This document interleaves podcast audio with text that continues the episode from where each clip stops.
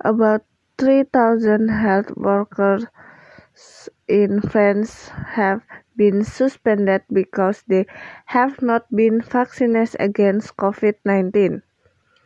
A new rule, which came into force on Wednesday, made vaccination mandatory for the country's 7 million health care, home, and fire service staff.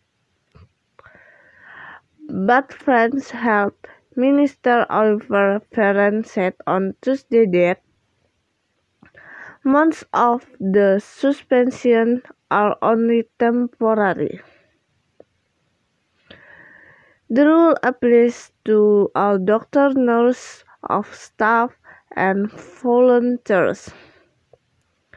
After the president announcement, Dr. Lip, the website people use to book their jobs, crashed as uh, so many people tried secured upon mm, appointments, but with the main mandate now in place and thousands still refusing to get the vaccine, there are fears of a disruption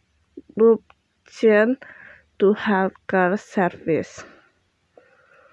In just one hospital in Nice in southern France, for example, almost